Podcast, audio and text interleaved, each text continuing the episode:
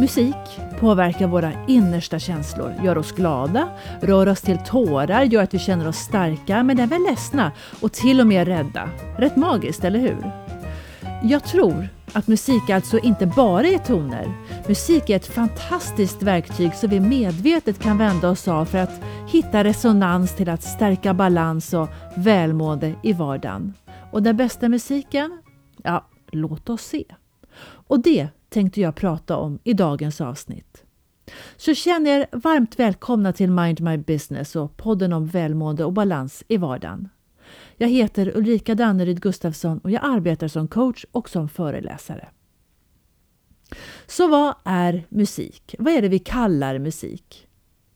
Jag vet ärligt talat inte om det går att definiera vad musik är, för musik går i mångt och mycket bortom ord och kan träffa oss rakt i hjärtat utan att vi har satt ord på vad det är. Och det vi träffas av, ja, det är ju toner, eller snarare vi träffas av ljudvågor.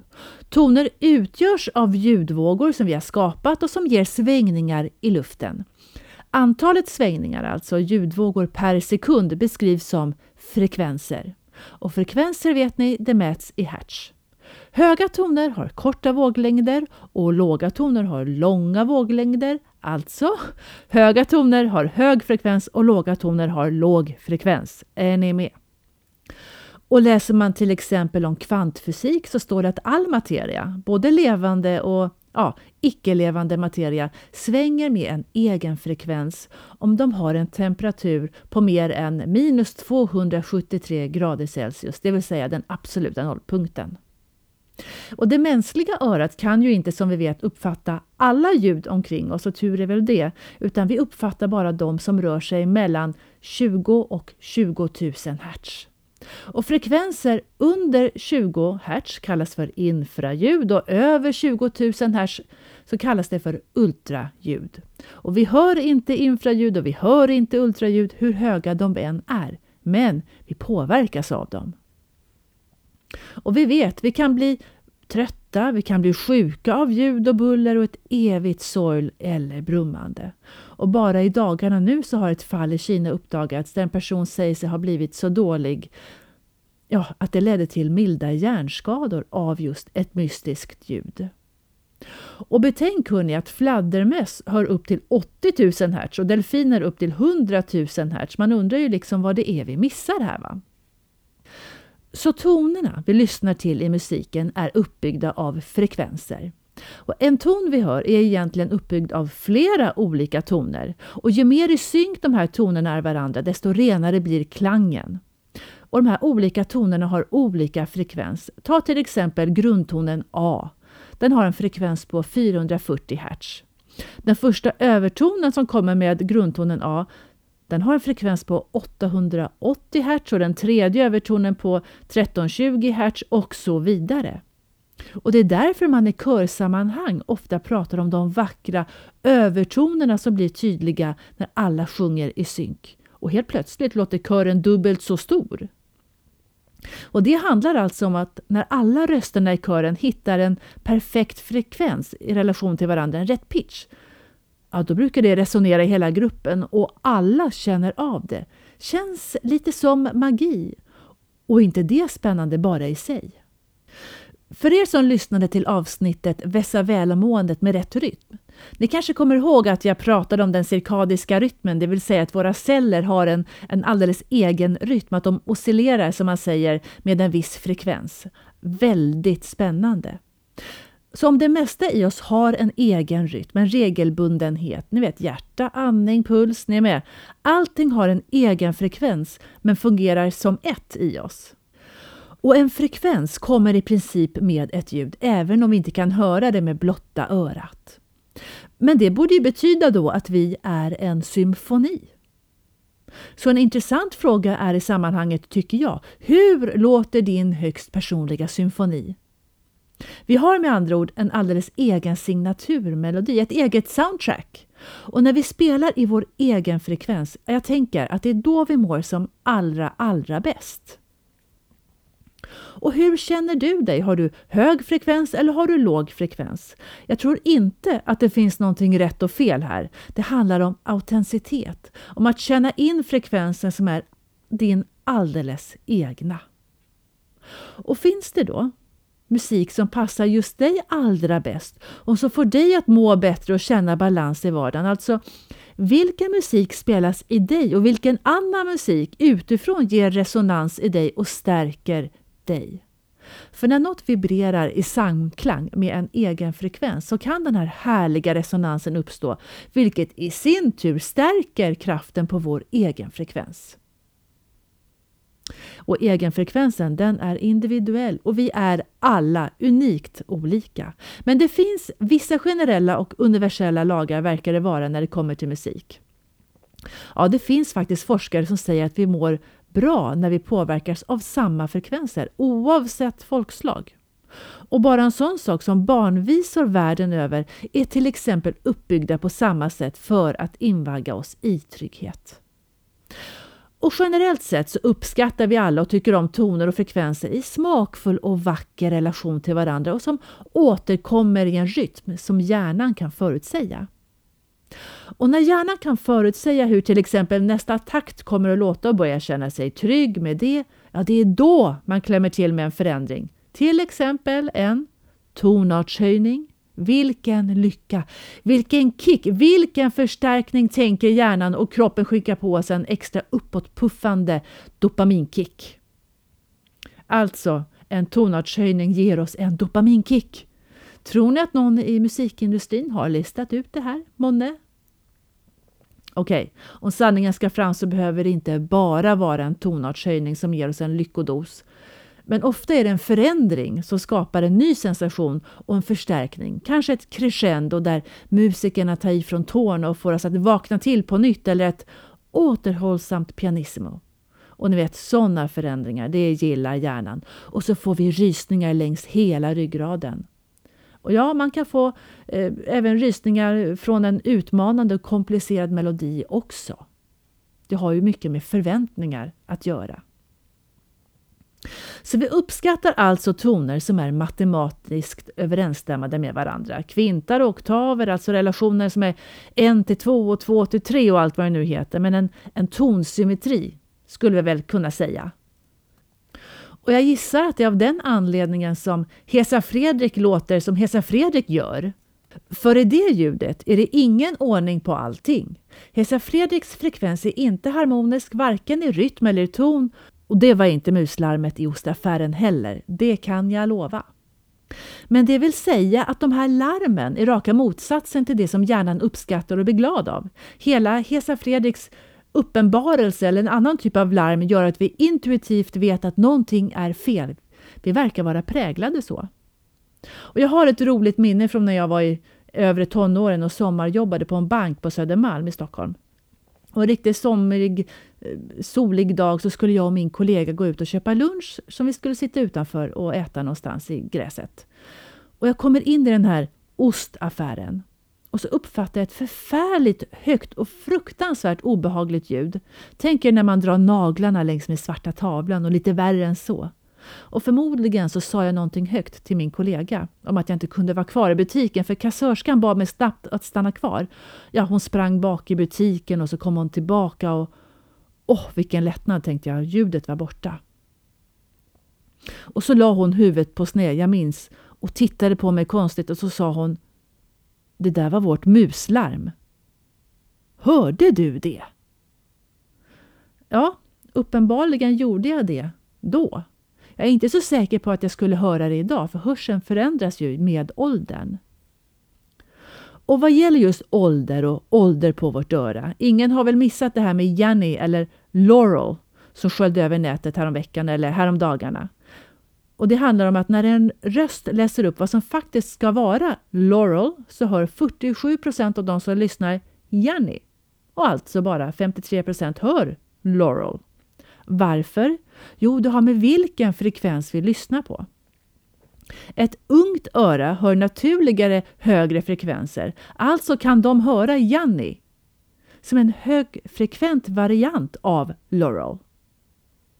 Ett äldre öra är inte lika benäget att kunna höra just de högre frekvenserna och hör alltså därför Laurel. Och tänk en sån sak som syrsor. Hör du dem? För jag vet att vissa i min familj hör dem inte. Men låt oss inte lägga en värdering i det. Vi är som sagt alla olika. Men det kan ju också förklara varför vi uppskattar olika typer av musik vid olika tillfällen kanske. Det har kanske inte bara att göra med tycke, känsla, tanke. Vi kanske lyssnar utifrån olika frekvenser.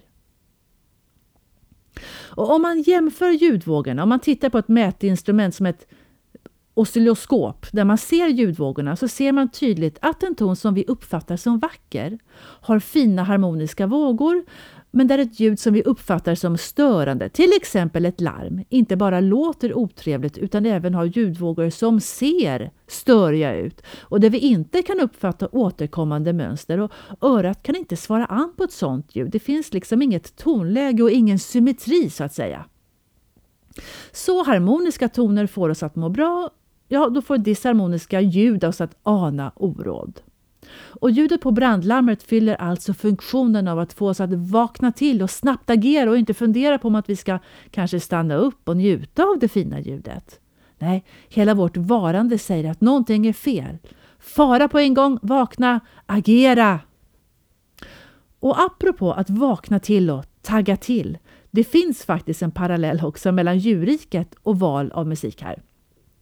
Och I en studie som publicerades någonting som heter Biology Letters så visade man på att viss rockmusik med sina distade toner påminner oss om ljudet av vrålande vilddjur.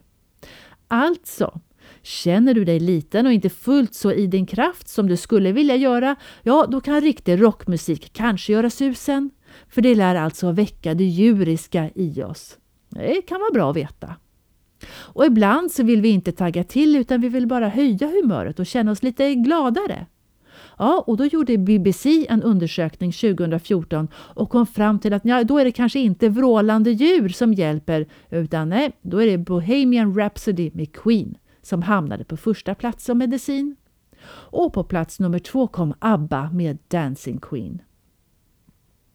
Och I en annan studie gjord av University of Missouri där fick folk lyssna på optimistisk musik eller upptempomusik under två veckor. Och resultaten var tydliga.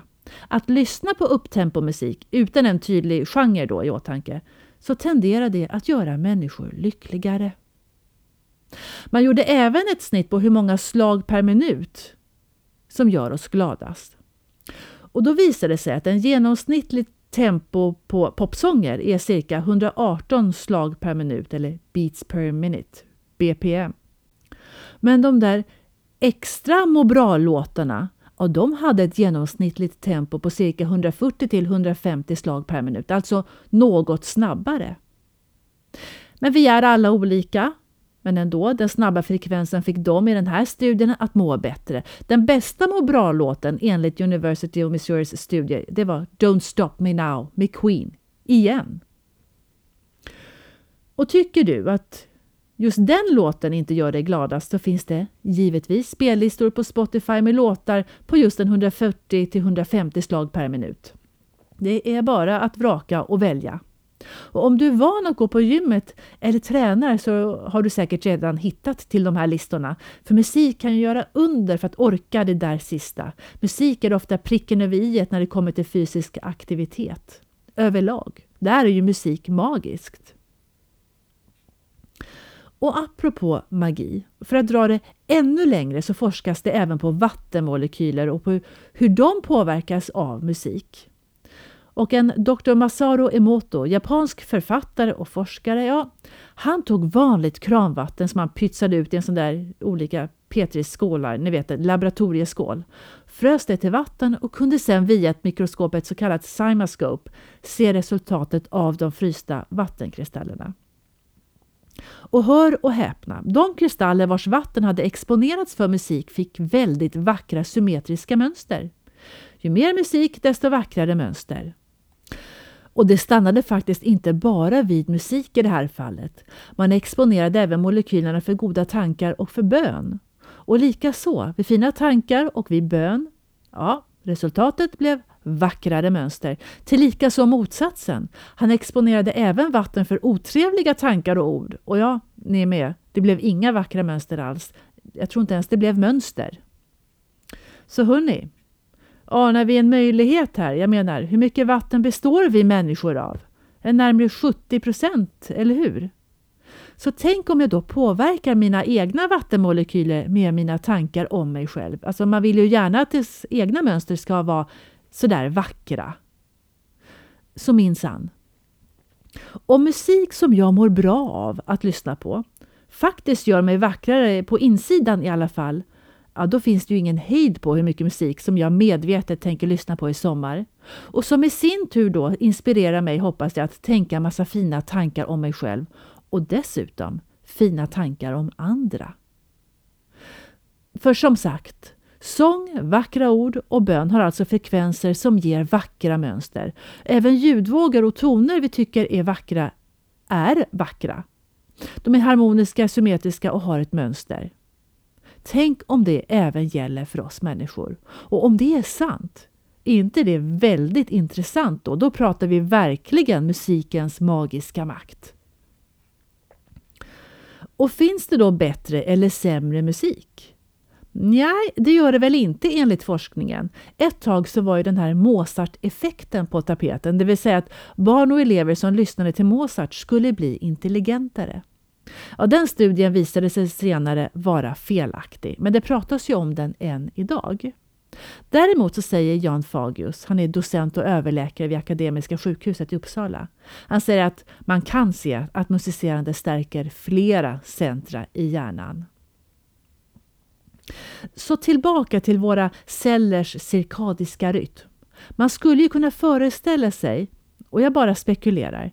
Men man skulle kunna tänka sig att när vi är stressade och inte mår bra, att vår inre rytm eventuellt då är rubbad och inte tickar på och inte samspelar som en orkester bör. Att vi är ostämda helt enkelt. Om någon då skulle kunna lyssna till vår inre symfoni när vi inte mår bra skulle de kanske kunna höra att vi spelar ur synk. Och bara en sån sak. Hur rör du dig när du inte mår bra?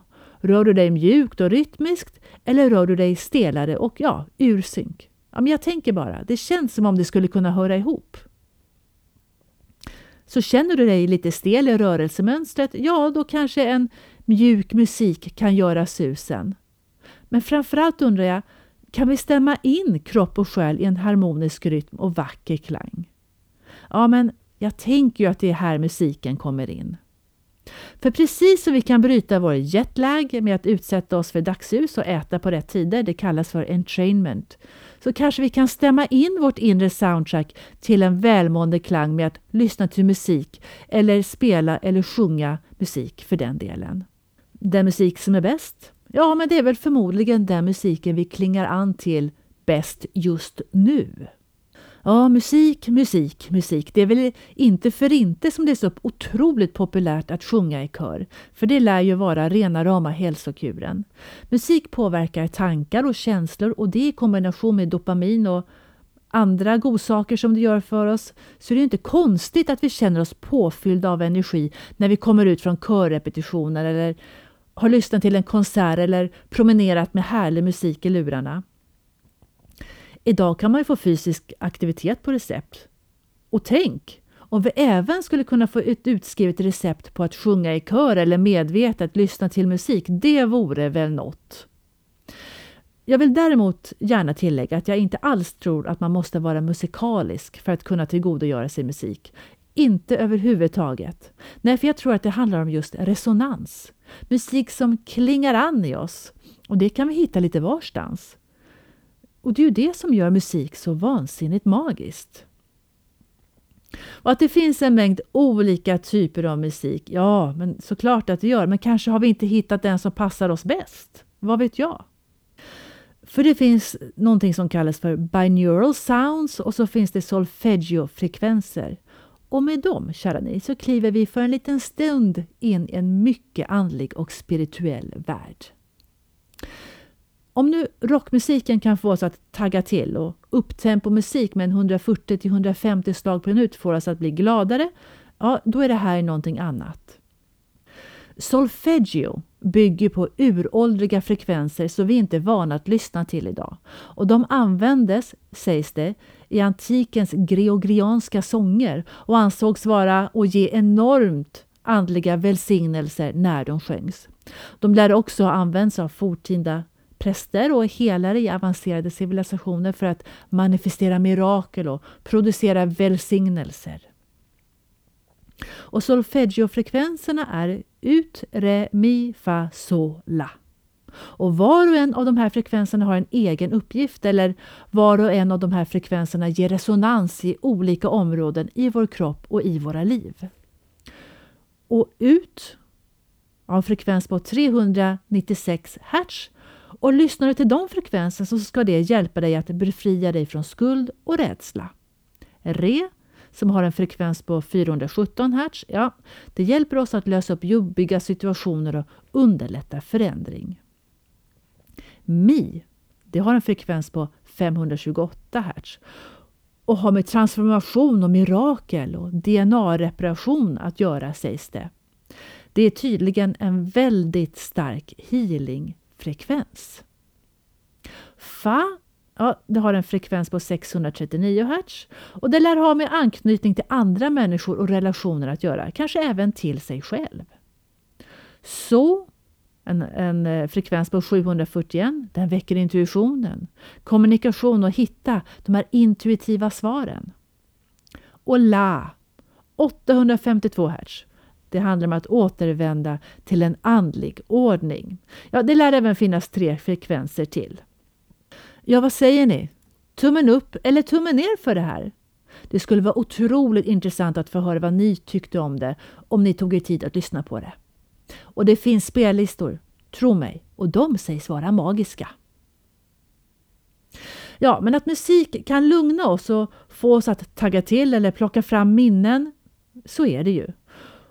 Och musik kan få oss att känna oss rädda och starka och inspirerade. Ja, det ger oss hela spektrat av känslor. Och forskarna vet att vi redan som foster påverkas av ljud och även av musik och nyfödda barn kan identifiera rytmen i musik även om de inte har hört sången förut. Så vi kommer liksom kodade med en känsla för rytm och musik rakt in i livet. Och musikterapeuten Kathleen Howard hon talar om att människan använder sig historiskt sett av musik för att klara av uppgifter tillsammans. Uppgifter som vi inte kunde klara av själva som att lyfta tunga saker och monotona arbeten och med hjälp av sång kunna motivera sig igenom det här arbetet. Ja, men sång, sången såg till att hålla arbetet organiserat och i rätt tempo. Och så kanske det är en av anledningarna till att vi är födda på det här sättet, säger hon. Och är det någonstans man använder sig av sång och tempo så har det ju alltid varit i militären. Att kunna hålla ihop marschen, att orka jobba och hålla humöret och allt vad det kan handla om. Och kanske redan där har man listat ut att rytmer med 150 slag per minut får igång motivationen och samarbete. Och kanske att en stillsam sång värnar om sorg och saknad. Så att musik och rytm alltid har funnits, ja men så är det väl. Tänk alla danser som har dansats till slag av trummor och till sång för att skapa vi-känsla med allt vad det betyder. Och säkert finns det en andlig koppling också, att ni vet att dansa sig till flow, till extas, att låta rytmen ta oss bortom egot, att ta oss till transcendens. Musik och dans, ja det kan ge upplevelser som går utöver det som anses vara och tillhöra normala varseblivning. Och det är väl därför så många anser att det är en källa till kreativitet och intuition. Och ur det här perspektivet så är musik verkligen en magisk kraft. Dessutom så finns det forskning på att när vi dansar tillsammans och hittar den där synkroniciteten med varandra i dansen och kanske förmodligen en viss eh, pulshöjning därtill så ökar vår smärttröskel och det stärker även våra sociala relationer. Två ganska bra egenskaper kan man tycka. Flow på dansgolvet helt enkelt. En instämning av frekvenser. Vi människor kanske blir snällare mot varandra då. Vi behöver dansa mer gott folk. Vi behöver sjunga mer. Man undrar ju liksom varför vi slutade gå på disco. Alltså hur många diskon, sådana här klassiska diskon finns det kvar idag? Det är vad jag undrar. Jaha, så man pratar om att allting har en egen frekvens. Och att frekvenser svänger med olika amplituder, det vill säga att de svänger med olika styrka. Och jag kan som sagt bara tänka mig att när vi är i vår egen frekvens, när allt i oss svänger i sin egen frekvens och med rätt balanserad amplitud, alltså styrka, att det är då vi mår som allra bäst. Och jag vet inte, det här med allra bäst, det kanske är färskvara, det kanske är någonting som förändras genom åldern. Och vad innebär det i så fall? Ja, kanske att nuet är viktigt och att det är viktigt att vara i kontakt med det som händer här och nu i oss själva och omkring oss. Och vad är det som ger vår alldeles egna frekvens, vårt alldeles egna soundtrack? Ja, men jag tänker att det kan vara bland annat våra värderingar. Att våra värderingar ger en grundton till vår frekvens. För vi vet ju alla hur det känns om vi gör någonting som inte är i ackord med våra värderingar. Att det känns falskt i oss. Alltså att det inte har en ren klang. Så det vi tycker är sant och det vi tycker är viktigt i våra liv spelar en stor roll i hur vi, ja, men hur vi svänger. Och våra tankar och våra känslor ger även dem vår egen svängningsfrekvens. Och tankar och känslor är mer rörliga värderingar och det är kanske därför som vi tycker om olika typer av musik beroende på vårt humör. Så bästa musiken är den musiken som vi klingar an till just nu. Och vad mer påverkar vårt eget soundtrack? Ja, vår kropp. Hur vår kropp ser ut. Ett musikinstrument har en egen frekvens som baseras på ja, dels hur kraftfullt vi slår an på, låt oss säga en sträng, men även formen på instrumentet. Och för skojs skull kan vi ju då kalla vår kropp för instrument. Så utifrån vår egen frekvens känner vi säkert in omgivningen omkring oss. Och när vi då träffar människor som vi känner att vi klingar an till kan det då vara månne att vi ligger på samma rytm i vår frekvens och så upplever vi en följsamhet i de mötena. Tillika motsatsen, ni vet de gånger när det bara känns som allt studsar tillbaka i ett möte och avstannar, precis som en bruten resonans som inte får fullfölja hela sin bana. Och Vissa människor blir vi påverkade av mer än andra och vissa människor ger en resonans i oss själva på gott och på ont. Och när vi blir inspirerade av andra människor så kan det ju faktiskt vara att deras egen frekvens, deras soundtrack ger resonans i oss så att vi lyfter upp och förstärker någonting i oss som kanske redan finns men som låg i dvala. Ja, och vissa plockar fram härliga sidor hos oss och vi känner oss glada och positiva och ser möjligheter och känner att, att vi kan vara oss själva. Och ibland blir resonansen raka motsatsen. Så resonansen stärker olika beteenden hos oss. Ja, så jag tänker medvetenhet om oss själva får fungera som stämgaffel helt enkelt. Och det är här också som musik blir så spännande, att välja musik efter vad vi vill förstärka i oss. Att vi medvetet väljer vad vi vill ska spela tydligast i oss, vilken frekvens vi vill gå in i, i dagen med. Och kanske även hur vi vill att vår, vårt soundtrack ska kunna ge resonans i andra. Och sen såklart välja och välja bort om det går. Vilka externa frekvenser vill vi ha nära oss och vilka vill vi inte ha nära oss? Så värderingar, tankar, känslor och form ger vår egen frekvens, kan man då tänka. Och med tanke på just värderingar, lyssnar du på den musiken du egentligen tycker om eller gör du det inte? För det finns en hel del värderingar där ute om vilken musik som är bra och vilken som anses vara dålig. Och jag tror, jag tror verkligen att den musik vi tycker om mest lär också vara den som vi mår bäst av. Det känns liksom i kroppen. Och det lär ju vara i en 3 till 4 års ålder som vi börjar komma ihåg musik och minnas saker. Men det är tonåren och upp till mitten av 20-årsåldern som musiken och minnen till musik präglar oss som allra mest, även om musik stärker minnen om tid och plats hela livet. Och någonstans så börjar jag undra om det bara är vår sinnesstämning som ändras av musik eller om det går djupare än så eftersom jag tänker att kropp, tanke och känsla hänger ihop och att musik når till vårt allra innersta.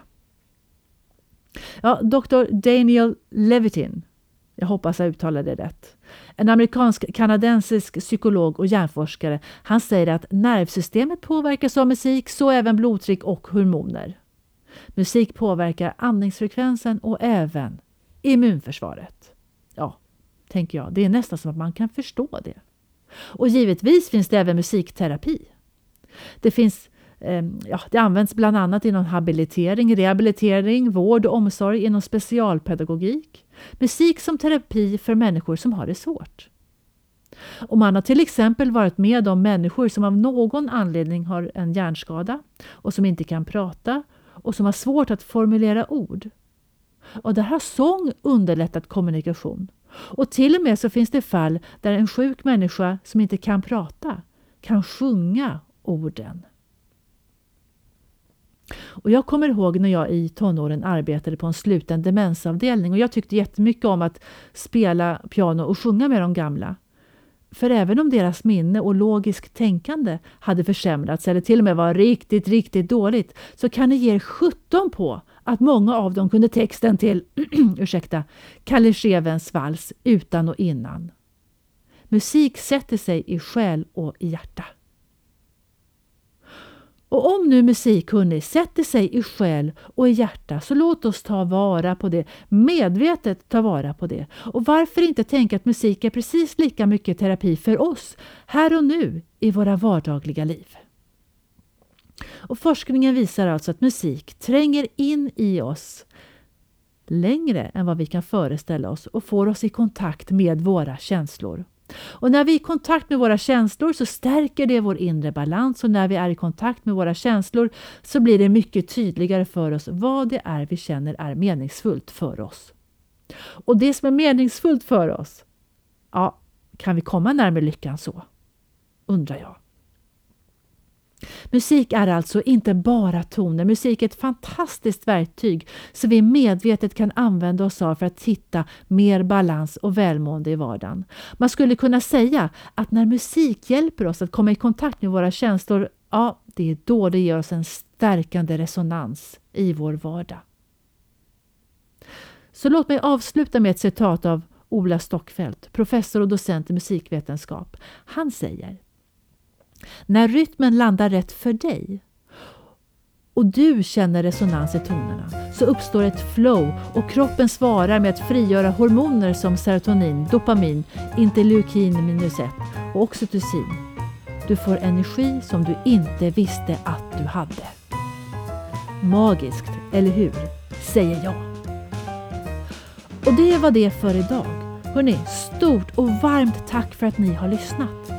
Och tyckte ni om det? Lajka, dela eller lyssna igen nästa gång.